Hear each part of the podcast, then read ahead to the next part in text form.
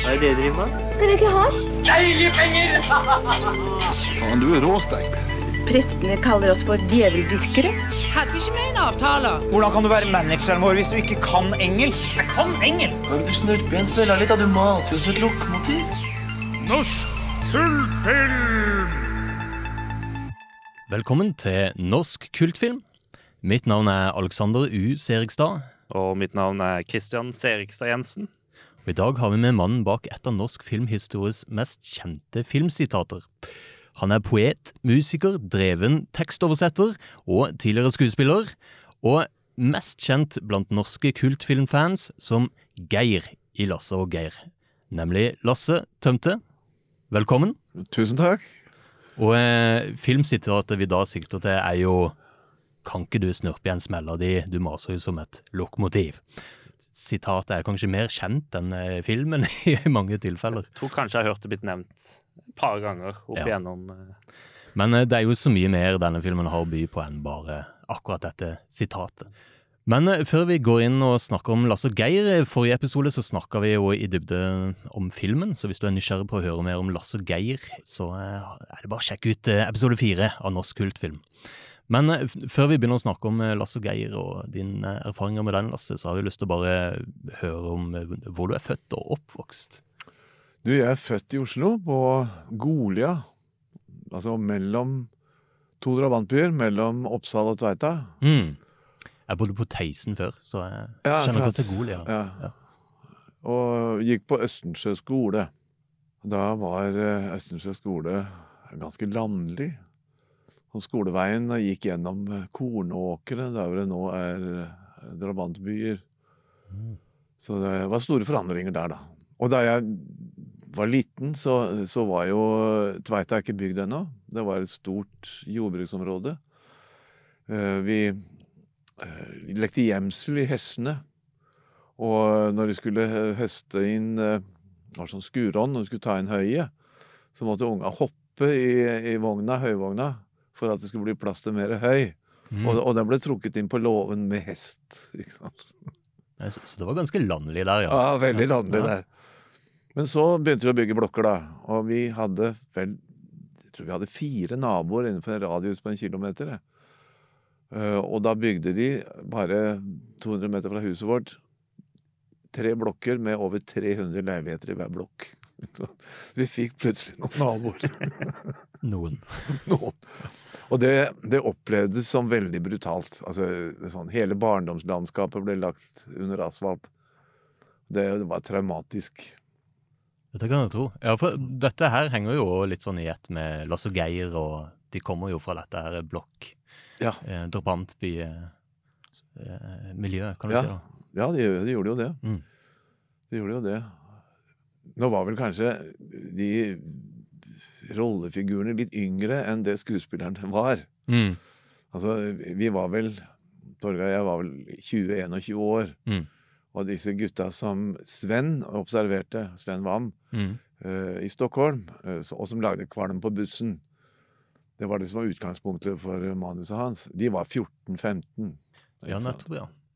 Ja, for jeg hørte om denne her eh, inspirasjonen han hadde, men det var i Stockholm det skjedde, altså. Ja, han gikk på filmskole i Stockholm, og så opplevde dette der, da. Ja, riktig. Og Torgeir og jeg, vi var jo begge to ganske eh, forleste på både poesi og filosofi, og brukte briller, ikke sant? Så eh, det, det- var kanskje ikke akkurat i eh, ja, den målgruppa, for å si det sånn. Jeg skjønner, jeg skjønner. ja. Men eh, hvis vi spoler litt tilbake òg, eh, hva var dine interesser som ung, da du var ung? Det var eh, visesang, da, for det var visebølgen på den tida. Og så var det selvfølgelig hasjis og langt hår. Rockmusikk kom etter hvert. Eh, og eh, opprør spesielt. Mm. Og det som var spesielt morsomt, det, det, var jo Altså, det var tre av oss i klassen som delte noen tanker. Og vi fant ut at vi skulle plage lærerne med å kunne alt så godt at de satte dem til veggs hver time. Så vi leste jo leste og så på alt mulig. Geografi, historie, matematikk, alt mulig.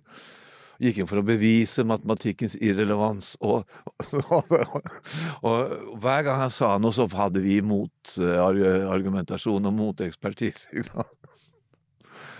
Så det, det var en, eh, en eh, vital interesse. Ja, det høres ut som en sånn konstruktiv form for pøbelstreker, kan du si. Ja. Ja, og så eh, lærte jo mye. Vi drev jo også altså På Østensjø skole så gjorde vi mye rart. Eh, Vi hadde eh, Altså, på Deichmanske bibliotek på Nordre Skauen hovedgård abonnerte de på noe som het populær mekanikk. Som kom en gang i eh, halvåret, og det var sånn svær greie med oppskrifter på å lage forskjellige ting. Eh, Og nede i Karl Johans gate 4 så var det Teknikkmagasinet. De hadde transistorer og, og alle mulige sånne eh, duppeditter som man kunne kjøpe for nesten ikke noe. Så vi lagde da en nærhetsbryter som vi plasserte ved siden av høyttaleren i klasserommet. Så Mhm. hver gang læreren da nærma seg tavla og skulle skrive på den, så ringte det ut. Det er jo dritgøy. Og den fungerte, altså? Den slo ut Ja, det fungerte. Men altså, vi ble jo selvfølgelig altså, Nå hadde vi fått medalje for kreativitet, men det fikk vi ikke den gangen. Ja. Vi lagde også en radio inni en sånn eske som det lå tegnestifter i. Mm. Og nederst i klasserommet så var det to ledninger som gikk, vannledninger. Det ene var med varmt vann, andre med kaldt vann. Og foran så sto det et skap med sånn utskjæringer til disse røra, da. Men hvis du har kobberledning til varmtvannet og, og jernledning til eh, kaldtvannet, da har du jo eh, strøm, ikke sant? Så vi kobla da Skrapte av malinga et lite stykke, og så kobla vi luntetråd til dette her og fikk drevet den radioen. Og radioen var da inni en sånn eske som lå inni en stor bunke med andre esker som det bare var, bare var tegnestifter i. Læreren fant aldri den radioen. ja, det høres jo sykt gøy ut. Ja, Det høres ut som jeg har det gøy. Men eh, ja, for du eh, interesserte deg tidlig for eh, poesi, og fikk jo ganske tidlig publisert tekster via forlaget Frustra. ja da. Ugress i 1973. Ja. Kan du fortelle litt mer om det? Altså din interesse Ja, jeg veit ikke helt hvor den kom fra. Jeg tror at jeg leste Louis Kvalstad. Veldig ukjent norsk poet. Og han gjorde et inntrykk på meg i ung alder. Og så hadde jeg tenkt at jeg skulle skrive fine visetekster, og sleit litt med tekstbiten. Mm. Så jeg måtte trene meg opp til å bli fortrolig med å skrive. Og da, sånn begynte diktskrivinga, da. Og så ga jeg ut tre diktsamlinger i 73, og én i 74. Og så ble jeg valgt inn i Forfatterforeningen i 76, og så har jeg ikke skrevet noe mer siden. Ja, for eh, jeg har prøvd å finne litt mer av de verkene. Det virker som det meste er før deg. Ja, var. Ja, for du hadde også eh, Veksling, en lyrisk fotografisk samling som du ga ut sammen med Inger-Lise Langfelt. For dere var kjærester, stemmer det? Ja da. eh, Opp, av og på. Mm. Traumatisk kjærlighetsforhold. Men altså, vi er- gamle sår? Nei, nei, altså vi er verdens beste venner, og hun er veldig god venninne av kona mi. Og vi feirer jul sammen, og det hele tatt Alt Alt er bra. Mm, Men i ungdomsåra så var det litt av og på. Det det. skjønner. Men dere lagde da denne her eh, Ja. samling av tekster, eh, altså lyrisk, en lyrisk fotografisk samling. Kan du fortelle litt om hva det hva slags prosjekt det var? Ja, altså jeg skrev dikt, og hun tok bilder. Eh, og det var sånn diktsyklus og eh, ja Jeg vet ikke hva jeg skal si om det. er Litt poetisk opprør, kanskje. Eh, og hun tok bilder, og jeg skrev tekster, og så ga vi ut den boka. da. Men den var fin, den.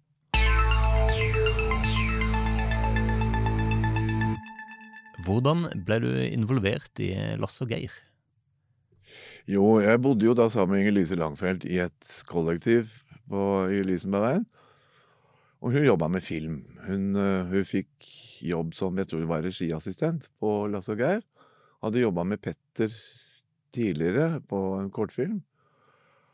Og eh, Sven og Petter var ofte innom hos oss, da. Mens de gikk ut og leita etter skuespillere. Og så gikk vel Sven bort til Inger-Lise og sa det er han typen som du er sammen med, har ikke han spille? ja, kunne det. Så, ja, For du hadde ikke noen ambisjoner om å bli skuespiller, du? Det var mer noe som, bare en mulighet som uh... Jeg hadde ingen ambisjoner om å bli skuespiller, men uh, det var veldig fint å få en jobb. Det var en blakk som jeg fant, ikke sant. Det var fint å få, ja, få litt penger. Ja. Og uh, hvordan ble dere forberedt til rollene? For at disse rollene var jo kanskje ikke så langt unna De delte kanskje noen meninger som både du og Torgeir allerede hadde? Eller? Ja, altså Ja, det, kan, det gjorde vi. Eh, altså, vi har jo Vi hadde ganske mange felles meninger. Hva skal jeg si? Vi gjennomgikk manus sammen. Replikk for replikk. Det var ikke noe improvisasjon der. Alt var Ja, det var én improvisasjon. Ellers så var alt helt etter boka. Og, og altså Sven var jo nokså nybakt regissør. Så han, ville ha kontrollen. Det var viktig for han. Så vi, hvis vi hadde ideer til hvordan ting skulle sies, eller, eller ideer til andre replikker, så måtte vi klarere det med han først. Vi kunne ikke ta det på sparket, liksom. Ja, Vi har jo hørt de eh, var berykta for det, Hva med venner, at eh, replikkene skulle sies nøyaktig som i manus. Ja. Men eh, da er jeg spent på hva Husker du hva det dere fikk improvisert inn der? Ja, det var denne, dette lokomotivet, da. Var det det? Er det den eh, som er improvisert? Ja, Det var så gøy. Og så er det den. er den. Jeg, var sikker på det var eh, Sven Varme som sikkert hadde skrevet den. Men eh, da er vi liksom nysgjerrig. Var det et uttrykk dere brukte på den tida, eller eh, hvor kom dette fra? Nei, det var ikke det. Det var ikke et uttrykk vi brukte på den tida. Altså, smella brukte vi. Sla- Klappe igjen, snurpe igjen smella, klappe igjen smella. Det var et vanlig uttrykk. Men det med lokomotivet, det bare datt ut. Det er en gøy replikk. Det er det. Og eh, det er mange ikoniske scener i filmen. Jeg bare sette tonen her med eh, Åpne en øl her. For vi må jo snakke om busscenen. Eh, som er ganske tidlig i filmen. Hva er dine minner av opptakene her?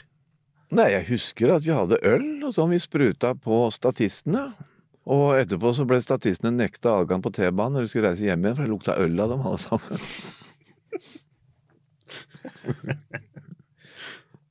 Ja, vi, Det har vi fått bekrefta. Det er vel Ola Otnes. Jeg, i, jeg studerte med sønnen til Ola Otnes. Mm. Det, det er vel han du kaller 'er du liberal, din jævel'? Ja. Ja. Og han eh, Og de gikk vel også med sine egne klær, så Ja. han sa jo jakka hans lukta øl i flere dager etter, den scenen. Men eh, det er jo én ting som jeg, vi har lurt veldig på, om du kan avkrefte. Bussjåføren Mm. på den, det er ikke kong Harald. Nei, det kan jeg ikke tenke meg. Nei, det er på Internet Movie Database så sto eh, denne her eh, bussjåføren kreditert som kong Harald. Men vi ser nå at de har endra det, og det, det er Ja. Nei, Det sier det- litt om eh, Du skal ikke tro alt du leser på internett. Nei, altså det har jeg aldri hørt. Det der har jeg aldri hørt før. Kanskje det ligna litt. Og, eh, men du ser jo at det er ikke han. Det er ikke han. Nei, det er noen som har kødda og gått inn og endra på det. Dessuten så var ikke Harald konge da. Nei, han var jo ikke det. Var ikke det. Men men var det rundt samme tid som kong Olav gjorde dette trikkestuntet, eller det var kanskje litt tidligere? Eh, Det var på vinteren, det. 73 var det. Ja, nettopp. ja. 73 var det. Da var det oljekrise. Mm. Og han tok eh, Holmenkollbanen, for han kunne ikke kjøre bil. Ja, ikke sant. Fikk ikke bensin. Ja, det er sånn det hang sammen, ja. Det var nok sånn det hang Ja. sammen, tror jeg. Men uh, han en av de to politimennene som arresterte oss, da, Mm. Han var jo skapsprenger. Han var profesjonell skapsprenger. Han hadde tilbrakt ganske mange år eh, bak murene. Og når han fikk på seg politiuniform, da så du at det surra i huet på han. Altså. Visste dere om eh, bakgrunnen hans? eh? Ja ja, vi gjorde det. Men ja, vi må jo snakke om Liv Thorsen. Det er jo ikke så lenge siden hun gikk bort, og hun spilte jo mora di i filmen. Ja. Hva Husker du åssen det var å spille med henne? Hun var veldig hyggelig. En kjempehyggelig dame. Hun var sammen med Kjell Askildsen. Så vi hadde truffet hverandre før på sånne forfatterseminarer og sånt. nå. Og, øh, på, og på fest på Sognsvann. Men jeg kjente, vi kjente hverandre litt på forhånd, da. Ja. Ja. Liv Thorsen var en veldig hyggelig dame. Jeg likte Liv Thorsen. Og eh, ja, en vi er litt nysgjerrig på å høre mer om.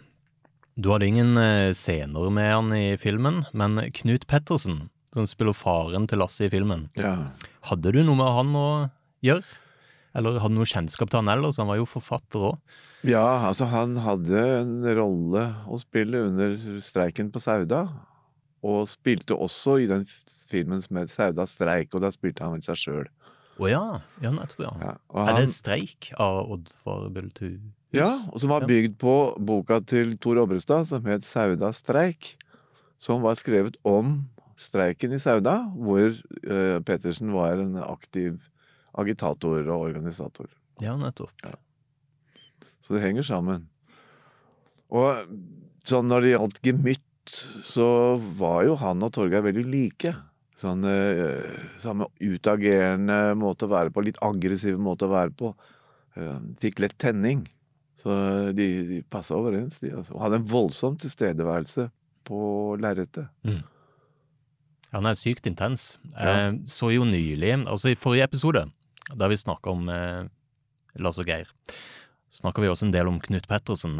Men da hadde jeg ikke sett Mishandlingen, denne svenske filmen eh, der han spilte hovedrollen i 1969. Mm. Men siden sist så har han også sett den filmen. Og der er han jo temmelig intens. Mm. Og det er absolutt en eh, skjult perle å sjekke ut det der. Eh, jeg vet ikke, Så du noen gang Mishandlingen? Nei, jeg så ikke den. Nei. Jeg hørte om den.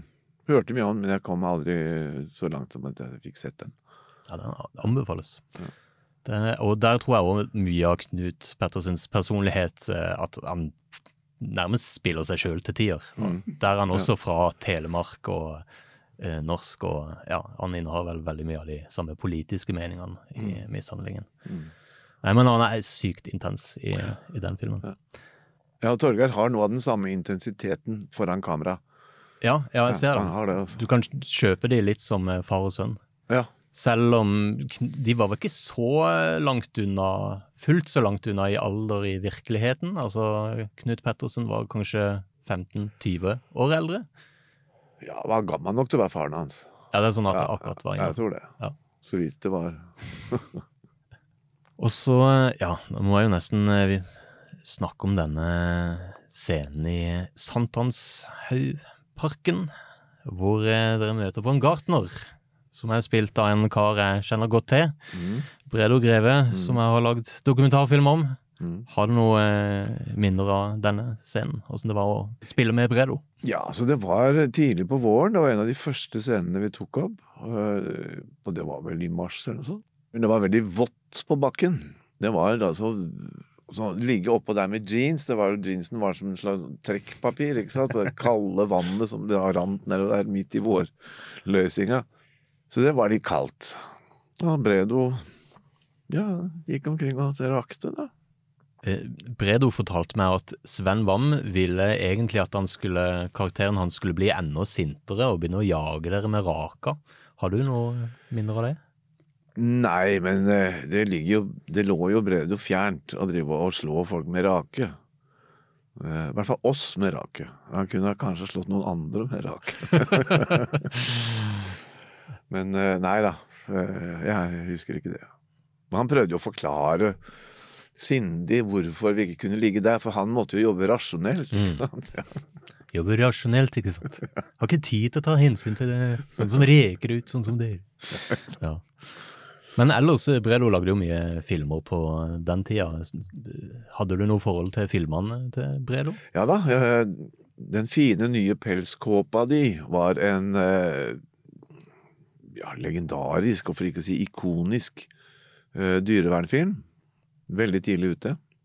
Og Bredo hadde et studio, eller må jo kanskje kalle det studio, han bodde der også, i Grønland 26 Stemmer. inne i, gang, inne i gården og opp alle trappene.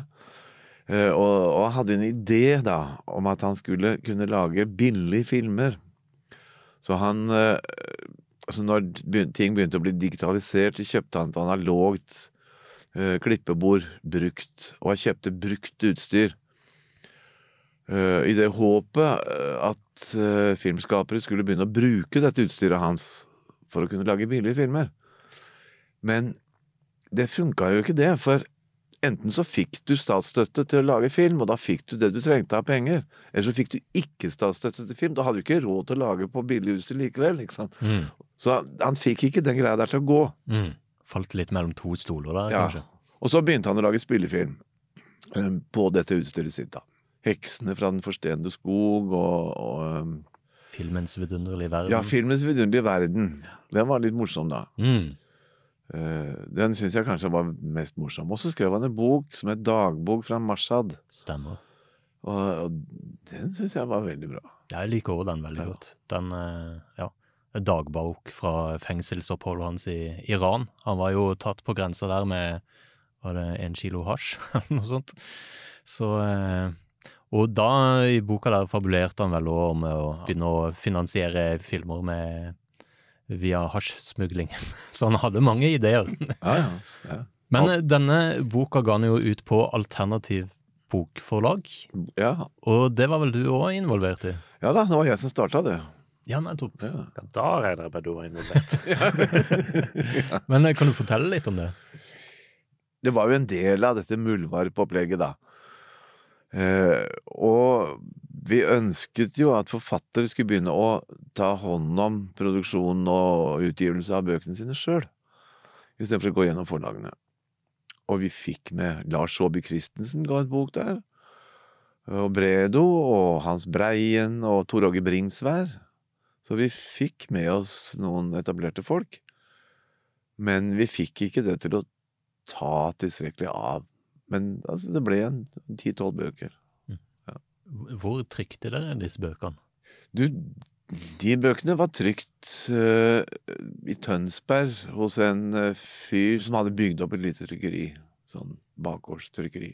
Og så var det da legendariske Torres trykkeri i, uh, på Grønland.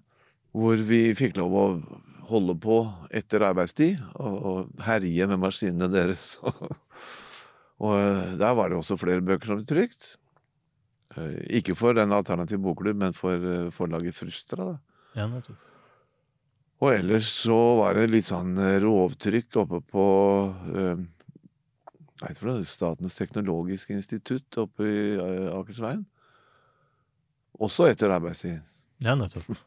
Det er litt som podkasten vi lager nå, etter arbeidstid, når eh, podkaststudio ikke er i bruk. Ja. Men eh, ja, vi kan gå videre. Eh, hvordan- vi må nesten snakke om Torgeir Skjerven. Hvordan var det å spille sammen med han? Kjente du han godt fra før, eller? Nei, eh, vi kjente hverandre ikke fra før. Han studerte maleri, malerkunst, i Bergen.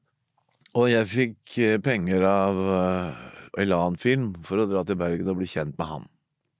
Og blei jo det, da. Vi ble kasta ut av alt som fantes av, av utesteder.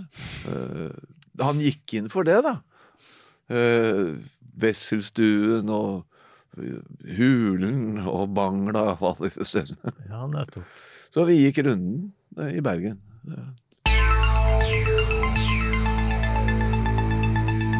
Hva er dine minner av mottagelsen av Lasse og Geir da han hadde premiere? Det var stor entusiasme.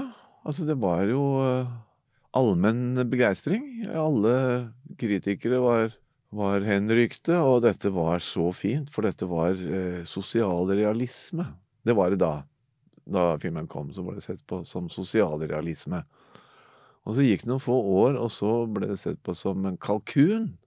Eh, Som skoleeksempel på hvordan man ikke skulle lage film, og hvordan man ikke skulle si replikker. Så det førte til at den ble kjørt sånn sånn moroopptak til, til, eh, til vorspiel og sånt noe. Folk satt og, ungdom satt og så på dette her og holdt på å le seg i hjel. Og så blei det en kultfilm. Og da, det også, da var det også en nachspielfilm, men da med et annet fortegn. Og nå er det blitt et interessant tidsbilde. Så det er et eller annet i den filmen som gjør at den har holdt seg, selv om vurderingen har gått litt opp og ned, så har den holdt seg som en sånn vorspiel-film, i hvert fall. Og, og jeg tror alltid, uansett hvordan du har sett på han, om du har sett på han som en kultfilm, kalkun eller eh, som sosialrealisme, så har han alltid vært underholdende. Det er jo det som er styrka, styrken med filmen, at den er engasjerende. Og eh, har minneverdige replikker og ja, minneverdige karakterer og situasjoner og ja. Det er jo eh, Før jeg hadde sett filmen, så hadde jeg jo vokst opp med Bård og Harald som har tulla med filmen. Så bare har jeg antatt det at ja, nå har de funnet en dårlig film som de har uh, tulla med. Men når jeg faktisk så den altså den, den er jo en kjempe, kjempefin film, egentlig. Altså den, den er veldig annerledes enn hvordan jeg trodde den kom til å være. Det er sånn når du leser anmeldelsene fra den tida, og da ble jeg virkelig overraska. Det forventa jeg ikke. Eh, Altså, nå var det jo sånn at eh, norsk film hadde vært veldig kjedelig og amatørmessig ganske lenge. Og så kom Anja Breien med 'Hustruer'. Mm. Og så kom eh, Sven og Peter med 'Lasse og Geir' etterpå. Og det var liksom Man forventa en slags ny wave. eh, oppblomstring av en ny måte å lage norsk film på. Mm. Og da ble jo ikke den bølgen spesielt stor, da. Men, men man hadde forventninger til da, Det var noe med det der at man så for seg liksom at nå, nå skjer det noe. Mm. Ja, så man ville gjerne løfte det fram. Jeg tror nok at denne den filmen fikk så veldig gode, eh, god mottakelse av kritikerne, så var det også veldig mye ut fra et ønske om å bidra til en sånn ny filmbølge, norsk filmbølge. Og det- var vel et friskt pust, Lasse og Geir, for det var, det Ja, var ikke mange andre filmer som den på den tida, liksom. Nei, det var ikke det. Det var ikke det. Var Fjols til fjells, kanskje. Ja. Edith Karlmar, Ja, Leif hun, Juster og Edith Ka- Karmar hun var en fabelaktig regissør. mm. Hun virkelig fortjener å bli løfta fram. Altså. Mm. Og jeg har hørt veldig mye positive ord om henne som menneske. Og, ja. Så hun, hun var en stor regissør som ikke har fått den plassen hun fortjener. Så hun lagde seriøse filmer, og hun lagde eh, sånn eh, skumle ting, og Døden er et kjærtegn. døden er Ja, blant annet. Den har jeg kjær. veldig Altså. lyst til å se. Litt sånn film noir, eller blir Ja, ja. ofte sagt som en litt sånn norsk film noir. Hun fortjener å bli løfta fram, det, det er helt klart. Slettes ikke umulig at uh, filmene hos henne vil dukke opp i en framtidig norsk kultfilmepisode. Det er jo Fjols til fjells folk kjenner til, som regel. Men, uh, Ja, jo, men altså men uh, eh, hun hadde en enorm filmografi. Ja. Sykt mange filmer hun har lagd. Ja.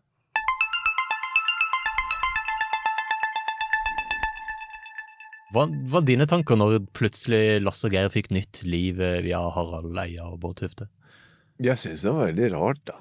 Eh, når han var bare, Nei, det var Harald var det som løp rundt med en sånn lassetømt uh, parykk. Ja, stemmer. Men altså, jeg syns jo det var litt kult òg, da. Men eh, du stilte vel opp på Åpen post eh, en gang i studio? Eh, Ja da, jeg gjorde det. ja. Ja. Jeg gjorde det. Jeg stiller opp her òg, jeg. Ja, ja. Hæ? Og jeg syns, eh, altså, jo egentlig det er litt underlig. Fordi at uh, Altså, de reaksjonene på filmen uh, opp gjennom tidene uh, syns jeg har vært uh, rart å forholde seg til. Fordi jeg har liksom har en annen inngang til den filmen enn de fleste andre, og jeg begriper ikke hvorfor folk gidder å se på den. jeg, ble, jeg ble spurt en gang for et par år siden om å snakke om filmen på Studentersamfunnet i Trondheim. Mm. Ja, jeg stiller alltid opp, jeg, når folk ber om sånne ting. Uh, og det var en veldig fin dag. Mm. Det var en, en av de fineste høstdagene. Sola skinte fra en klar og blå himmel, og det var en sånn tidlig høst akkurat i begynnelsen av semesteret. Og så hadde det, hun dama som var arrangør sagt at ja, det er ikke sikkert det kommer så mange mennesker, for det, det pleier kanskje bare å komme en 20-30 stykker. Mm. Og så måtte man bruke det store auditoriet. Kom over 2000 mennesker og satt og skulle se Wow. på Lasse og Geir. Ut Kan dere ikke gå ut i sol? Kan ikke finne på noe annet? Skal ikke sitte her i mørket og se på det? Men jeg, jeg forstår ikke helt det, da. Ja, for det er jo blitt en sånn fast uh, greie på Cinema Nøff, eller vel, som alltid Ved starten av hvert høstsemester når eh, studietida er i gang, så viser de Lasse og Geir på 35 mm, og det er alltid, alltid utsolgt. Det er et par ganger jeg har tenkt ja, det hadde vært gøy å sette den på 35 mm, men jeg rekker aldri fordi at det er utsolgt før jeg får kjøpt en billett. Ja, det er hardt, altså. Så Når var det du først oppdaga at Lasse og Geir var blitt en kultfilm? Nei, Det er ikke godt å svare på, for eh, den ble jo veldig populær da den kom. den fikk strålende kritikker av alle viktige kritikere. Sekser på alle terninger. Og den gikk Jeg var en av de mest sette norske filmene noensinne. Det stemmer det. Vi jeg fant en liste over kinotoppen 1976. Da var Lasse Geir på andreplass, kun slått av én film, og det var 'Haisommer' av Steven Spielberg. Ja, akkurat. Så Ja, det sier ja, litt. ja. Og det- det var en voldsom oppmerksomhet rundt den. Altså, de, øh, en norsk film på den tida var i seg sjøl en sensasjon. Så pressen fulgte jo innspillingene til stadighet, og det var intervjuer til stadighet lenge før filmen hadde premiere. Eh, kanskje mer før enn etter. Så jeg fikk eh, et kvarter i rampelyset, som eh, Andy Warhol skriver om. Altså, i framtida så skal alle få five minutes of fame. Kjente uttrykket der, ja. Så jeg fikk jo det, da. Og det ga seg rare utslag òg. Det var hyggelig å hilse på folk. Altså, folk kom strømmende og skulle ha autografer og, og alt mulig rart. Og vinka og vifta, og det var hyggelig. Når folk slo opp telt i hagen min, så var det kanskje ikke fullt så hyggelig lenger. Så det skjedde, det. Det skjedde, det skjedde, det. Det skjedde, det. Og så eh, Det som var kleint med den kortvarige kjendistilværelsen, var at folk som var i omgangskretsen, begynte å se på meg på andre, andre måter. Mm.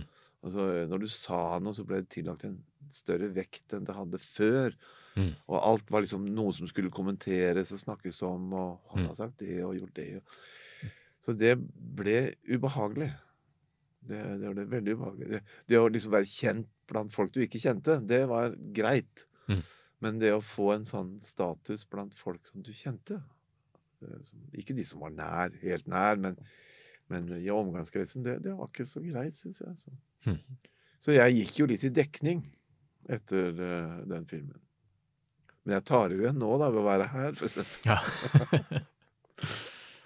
Nå kommer du til å bli gjenkjent på gatene av både kjente og ukjente. Ja, det er han fra norsk kultfilm. Altså, det er, jeg har jo opplevd det, og det var kanskje ti år, minst ti år etter at den filmen var laga, enda mer. Det var på 90-tallet en gang, var det. Hvor jeg, jeg, jeg var på fjellet og gikk på ski, og så kjørte jeg nedover en bakke. Og hadde på meg sånn anorakk, og så snøra igjen. ikke sant? Så bare nesa som stakk frem. Og så kom det noen sånne unger opp, opp motsatt vei, og så begynte å rope der en smella etter meg. Og det var unger som jeg var ikke påtenkt av den filmen. Nei, ikke sant. Så det er sånn rart. Det er veldig rart, syns jeg, at den filmen da huskes fremdeles. Det, Apropos til, det er til og med folk som, har laget, som kan lage podkast om den filmen. Ja, Ja, jeg har hørt rykter om det. Jeg har hørt rykter om det. De må jo være helt ja, Hva skjer med det? Send de på galehjem. Men eh, det er jo også noen som har eh, Du har jo Jonny og Onkel P, som lagde EP-ene Ja. Lasse og Geir. Ja. Der de også siterer filmen i en av låtene. Ja. Hva tenkte du når de kom med den skiva? Nei, de kom jo fra Lillehammer, tror jeg det var. Det stemmer. Og, ja, og lagde da var det kanskje litt opprørske i Lillehammer. Smelta ikke helt inn i lillehammerske borgerskapet, eller hva det var. Mm. Og det var inspirasjonen til de sangene de, som de slo gjennom med, eller begynte å, å bli artister på. Og så hadde de da bodd i Oslo i sju, åtte, ni år, og tenkte at eh, det å fortsette å lage låter fra Lillehammer passa ikke inn i det de Det virka litt rart, da. Og så lurte de på hva er det i Oslo som vi kan knytte oss til, som vi kan forholde oss til. Og så fant de fram til også og Geir. Eh, Og det syns jeg var rørende, Mm. rett og slett. Altså disse gutta eh, som da var litt sånn utskudd og pøbler fra Lillehammer. Mm. Når de kommer til Oslo og skal finne noe som de kan knytte seg til, som på en stemmer med deres måte å leve på og være på, så finner de det så gøy. Det syns jeg var rørende. Det er så mange reaksjoner på den filmen som jeg trekker på skuldrene men det, det syns jeg var fint. At de kunne relatere til, til karakterene. Ja, ja. Og da, da følte jeg at den filmen hadde en verdi. Det ga, det ga dem en slags eh, forankringspunkt i Oslo-tilværelsen. Mm. Det syns jeg var fint.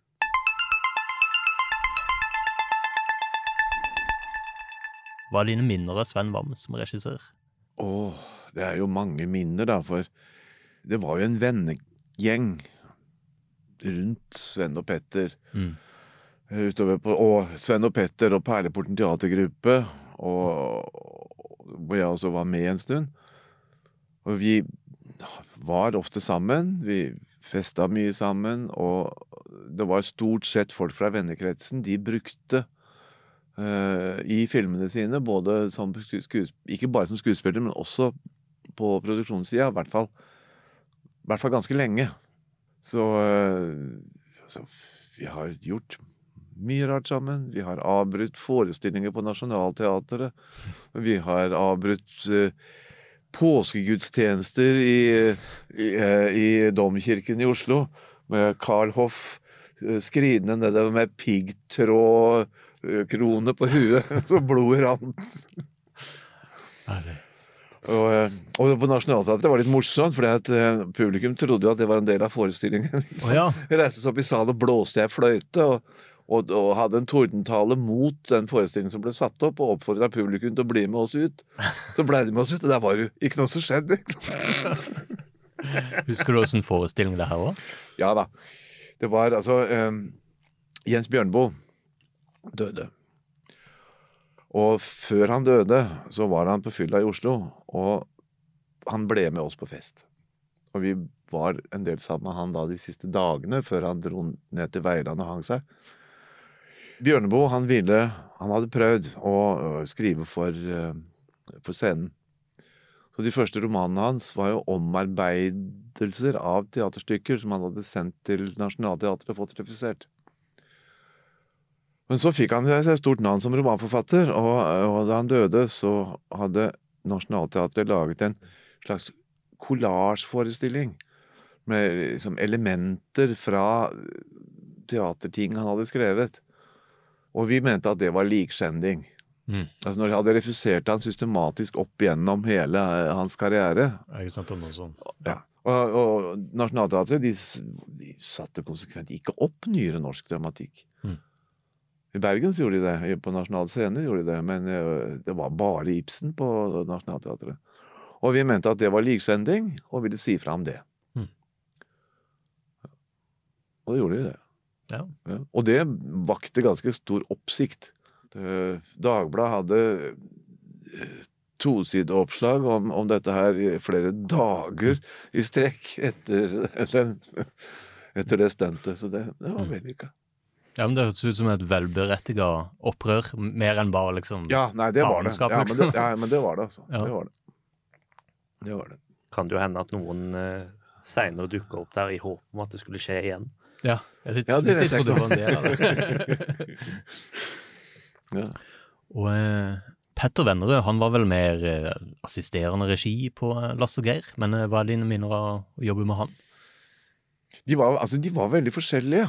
Um, Sven var Altså, begge var seriøse. Uh, men uh, Petter var litt revypreget i, i sin tilnærming til sceniske uttrykk. Mens uh, Sven var mer uh, ja, biografisk eller realistisk. Og jeg må si at de filmene som Sven lagde på egen hånd, syns jeg er de beste filmene. Altså Fem døgn i august, Lasse og Geir og Åpen framtid. Særlig Åpen framtid, kanskje. Fordi de har en så klart sånt eh, forfatterperspektiv. Altså det, Her er det en som forteller sin historie. Ja, For Åpen framtid spesielt er vel veldig nesten litt sånn biografisk overfor Ja, ja, den er det. Men jeg syns jo at Og det er på en måte min innvending mot mange av disse filmene som de lagde sammen. Uh, og det er at når man begynner å nærme seg en, et problem eller en situasjon som trenger litt fordypning, så skjer det etter en eller annen sånn litt morsomt et opptrinn eller et uh, følelsesutbrudd eller en eller annen form for teatralsk avsporing som gjør at det hele blir liksom litt lettvektig, da, syns jeg. Mm. Og jeg er sikker på at de hadde laget mye bedre filmer hver for seg. For Petter var, hadde et utrolig talent som regissør, han også. Hvis han kunne rendyrke sin form, og Sven kunne ha rendyrket sin form, så tror jeg det hadde blitt veldig mye bedre enn at de prøvde å lage en hybrid av ting som etter min mening ikke passa så godt sammen bestandig. Ja, det er en interessant eh, innvending der, egentlig. Jeg har aldri tenkt over det sånn, men eh, ja, det gir på en måte mening. Altså, Petter Vendre er kanskje litt mer sånn, ja, som du sier, revyaktig, eller den mer sånn litt sånn rølpete sida av det, kanskje? Eh, på, eller sånn Hvem har bestemt, for eksempel, som, er, som var vel litt mer hans eh, Ja, ja. prosjekt, tror jeg. Ja, jo. Ja, nei, altså, jeg opplevde han som mer revypreget. Mer eh, ja, humoristisk på en måte. Eh, altså, dybden ligger i overflaten. Mm. Og det var den typen dybde han sto for. Mens eh, Sven gikk dypere ned i ting. Og eh, var mye mer av en eh, filmpoet. Og eh, ja, jeg mener det at Jeg tror det at de ville ha laget be bedre filmer hver for seg. Og Sven lagde jo også uh, Åpen framtid, blant annet, som jeg syns var en veldig fin film. Uten disse av, teatralske avsporingene hele tiden. Han, eh, Petter var nok veldig flink til å, å skape tempo og driv og framdrift, og redd for å lage longører og sånne ting. Uh, og det syns jeg ikke han skulle ha vært, for å si det sånn. Mm. Ja, men dette var da en veldig subjektiv eh, innvending. Mm. Men altså, de er to store filmskapere, begge to. Og de har satt sitt preg på 70-tallet. Og eh, også skapt et tidsbilde av 70-tallet som står seg for framtida. Så det er kanskje litt urettferdig at jeg kommer med den kritikken. Men ja, hva med Vennerød? De var jo anarkister. Og eh, har du noe å si om liksom, anarkistmiljøet på 70-tallet, åssen det var? For det, hadde du noen koblinger til Altså, anarkistmiljøet? nå, nå var jo ikke Sven og Peter en del av anarkistmiljøet, selv om de var anarkister. Det var jo noen sånne anarkistgrupper rundt omkring. Eh, Men de hadde ikke noe særlig kontakt med dem. Men det hindret dem ikke i å være anarkister. Ja. Nei. det var jo altså Det var en morsom ting også, det. For uh, på den tida så var jo ML-erne veldig dominerende. De liksom monopoliserte debatter og, og var veldig pågående. Og anarkistene kom som en sånn forstyrrende element inn i det hele, da. Så vi hadde en anarkistorganisasjon. Jeg husker ikke hva han het engang. Eh, og husker jeg de, ville ha, de skulle protestere, ha protesttog, et demonstrasjonstog, mot arbeidsledighet. Mm. Så ville de at vi skulle være med på det, da. Mm. Være medarrangører. Og det var vi jo selvfølgelig, og stilte opp det store hvor det sto 'arbeidsløshet til alle'. Akkurat det de ville. Og da startet Kristian Christian Vennerød var med på disse greiene her. Og da startet han noe som het Sammenslutningen av bevisst arbeidssky elementer. Og det var altså Hver gang de gjorde noe, så fant vi på noe annet. Altså, det var eh, og, eh, ja, Det var noe som het Moderat ungdom. Og da starta vi Rabiat ungdom. Vi hadde det moro, da. Ja. Men eh, altså, vi var veldig flinke til husokkupasjoner. Det var vi gode på. Har du noen historier der? Ja, nei, altså øh, i Pilestredet. Det er, det er svært, uh, var et svært kompleks som sto tomt. Og vi visste jo ikke at det bodde det noen uteliggere der. Altså de tidlige fremmedarbeidere som bodde i sovepose inne på gymsalen der. Men jeg vet ikke, jeg tror det var 50-60 mennesker som okkuperte Læreguttehjemmet. Mm. Og innredet leiligheter og.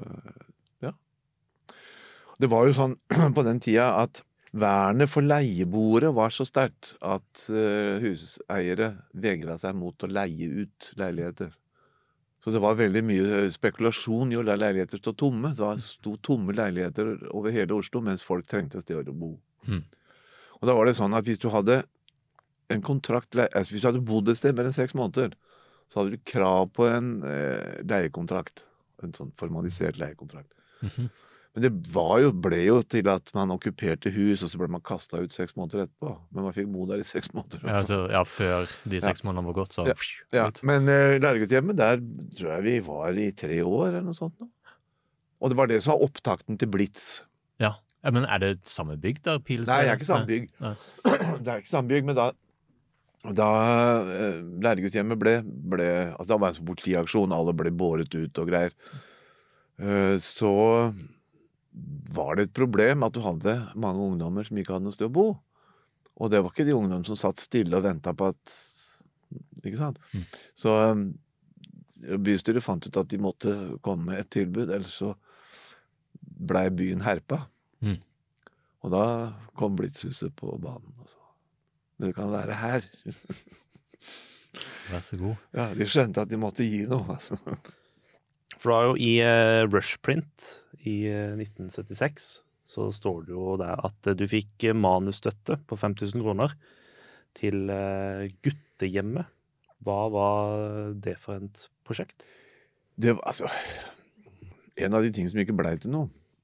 Men uh, utgangspunktet var at jeg jobba en kort stund på Bakkehaugen guttehjem. Og det var et uh, hjem for uh, ja, gutter som hadde enten eh, kom fra umøblerte hjem, for å si det på den måten, eh, eller som var der som alternativ til soning. Og det var et veldig fint sted å være for disse gutta. Men hvis de oppførte seg veldig godt, så ble de sendt videre til et sted som ikke var så bra å være. Og hvis de oppførte seg veldig dårlig, så ble de sendt til et annet sted som heller ikke var så bra å være. Så det var en balansegang som de, gutta måtte holde. Som, som kunne være ganske vanskelig å holde, da. Og det var mange opptrinn der og sånt. Men jeg jobba der en stund, og, og fikk det for meg at jeg skulle prøve å skrive en film, et filmmanus med utgangspunkt i de erfaringene jeg hadde gjort der, da. Men eh, det ble ikke noe ta. Var, var det tanke om eh, kortfilm eller langfilm? Jeg husker ikke, det er mange, det er så altfor lenge siden. Altså, det skjedde ting i livet som gjorde at sånn kunstnerisk virksomhet ikke akkurat lot seg Ja, det, det var skjær i sjøen. Livet tok vendinger. Mm. Som det ofte kan gjøre. Ja.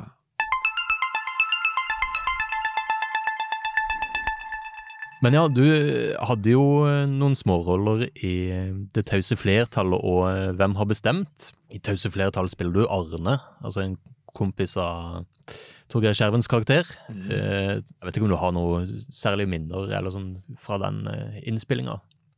Jo, jeg, altså jeg kjente jo Sven og Petter godt, og, og var i samme vennekretsen og fulgte med på Alle i vennekretsen ble involvert i filmene de lagde på en eller annen måte. Så jeg husker jo Selv om jeg altså Både det jeg var med på, det jeg ikke var med på, så har jeg minner om det. Ja. Mm. Jeg skulle tisse. Det var en scene hvor jeg skulle tisse. Stemmer det? Og så jeg bare sier hvordan skal jeg få til det, da? Foran kamera og greier. Stå der og tisse. Så øh, jeg fikk tak i noe sånn vanndrivende te. og drakk en kanne av det sånn 20 minutter før opptak. Jeg tror jeg pissa en halvtime. det ga seg ikke. Gikk tom for filmrull og bare Og så har du ja, den siste som du spilte i Hvem har bestemt? Der du spiller en uh, Psykologistudent. psykologistudent, stemmer det. Da eh, spiller du mot Petter Vennerød, som blir innlagt på dette Mm. mentalsykehuset. Har du noen eh, historier fra den innspillinga? Ja, jo, det var en øh, Han Trier Hva heter han? Jakob Trier. Ja, stemmer. Han tok lyden. Og han eh, greide å lenke meg fast med håndjern til en sånn smijernsrekkverk på en, eh, på en sånn eh, veranda under innspillingen. Og jeg har alltid vært høyderedd. Jeg har aldri tilgitt han at han gjorde det. Ellers så var han grei, han, også, men akkurat da var det, det var overtramp. Mm. Men hvordan, hvordan, eh, hvordan skjedde det? Altså, det, det er jo ikke ja, noe som bare triksa meg rundt, altså. Det var det han gjorde. Jeg tror jo godt om folk. Jeg tror ikke at folk har skumle hensikter. Ikke sant? Ja, kom her, da. Skal vi se. Nei, altså, det var jo moro. Men jeg hadde ingen ambisjoner som skuespiller. Men så etter to-tre filmer så tenkte jeg plutselig så skjønte jeg hva dette handla om. Og så spurte Sven og Petter meg om jeg kunne spille i eh, Drømmeslottet. Og jeg sa ja. Men så like før eh, det begynte, så trakk jeg meg fordi jeg følte at jeg ikke hadde tid til å være med på det. Og det angrer jeg på, for jeg hadde veldig lyst til å gjøre den siste rollen og vise at jeg hadde lært noe av skuespillerfaget. Så øh, Petter måtte steppe inn og gjøre den rollen som jeg skulle ha, gjort. Ja, nettopp, ja. Du skulle være Petters rolle. Ja. Og det angrer jeg litt på, at jeg sa nei til det der. Jeg skjønner nå ikke helt hvorfor jeg sa nei til det, for det hadde vært veldig fint punktum i det. Min, min lille skuespillerkarriere. Ikke sant? Men det varte ikke noe av det heller. Nei.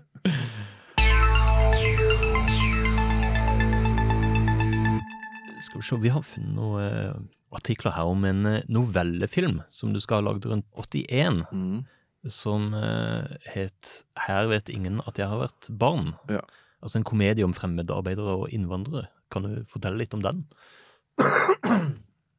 Kan jeg få litt vin først? Ja visst. Det er prisen for å Skal vi se, bare komme glasset der, så tar vi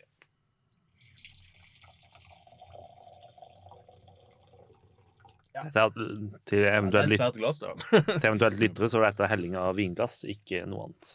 Unnskyld, jeg må bare en tur på. Ja, ikke sant. Skal vi se, ja. Her vet ingen at jeg har vært barn.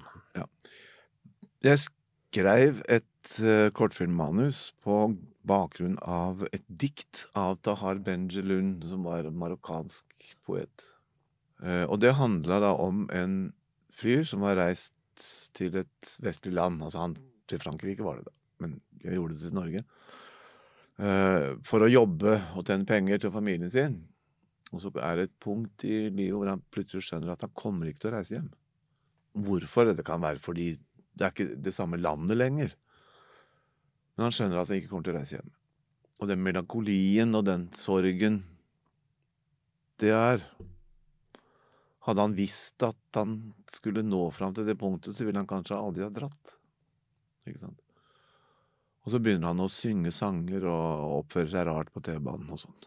Ja, For dette er en novellefilm som ble spilt inn, rett og slett? ja, ja, ja. ja. ja. Og du hadde da manus på den? Manus og regi.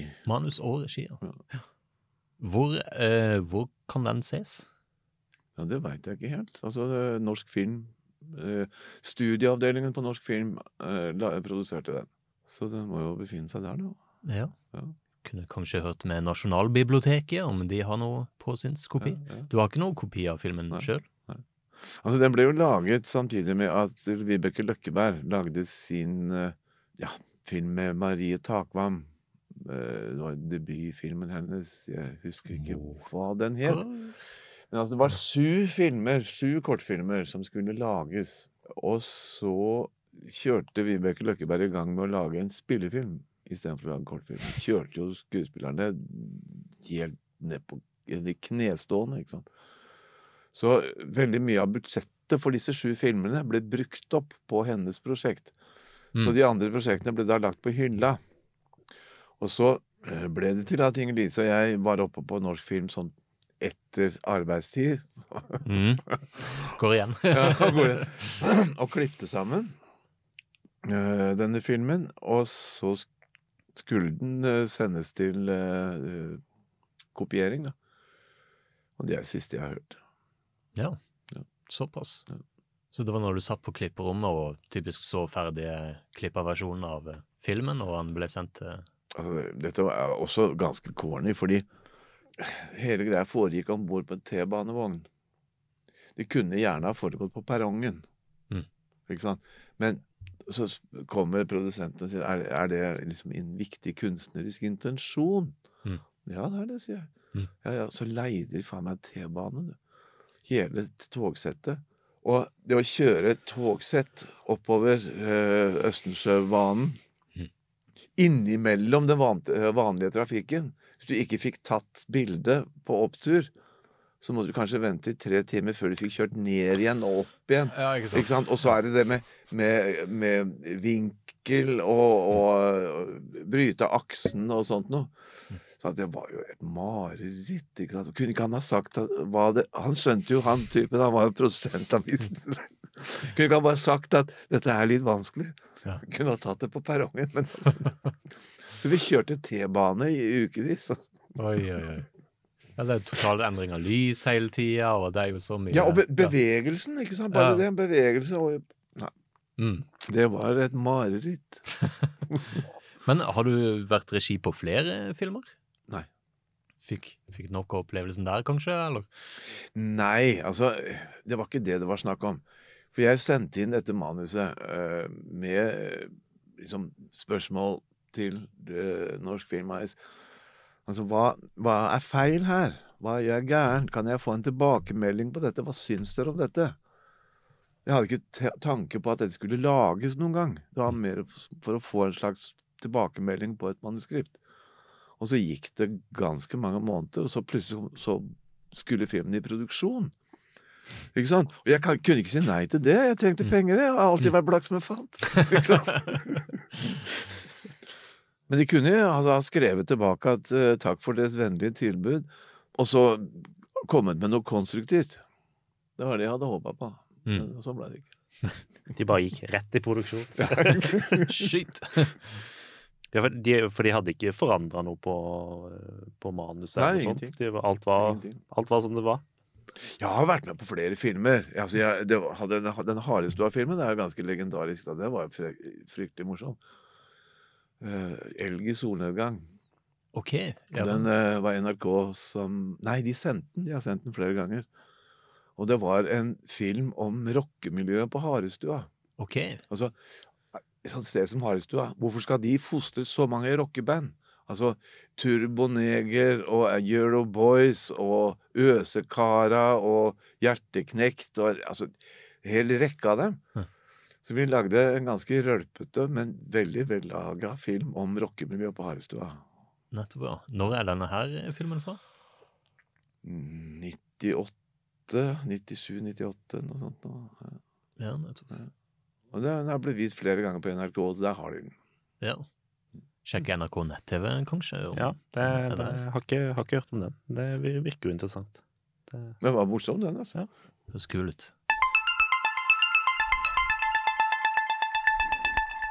Jeg vet, jeg driver fortsatt og lurer på hva jeg skal bli når jeg blir stor. Jeg ble- pensjonist i mai. Ja, for du har jobba mye som oversetter, er det ikke? Ja. Jeg jobber fortsatt, jeg. Du jobber fortsatt? Ja. Ja. Jeg gjør det. Jeg skal ha konsert eh, 23. mars. ja, stemmer. stemmer. Ja.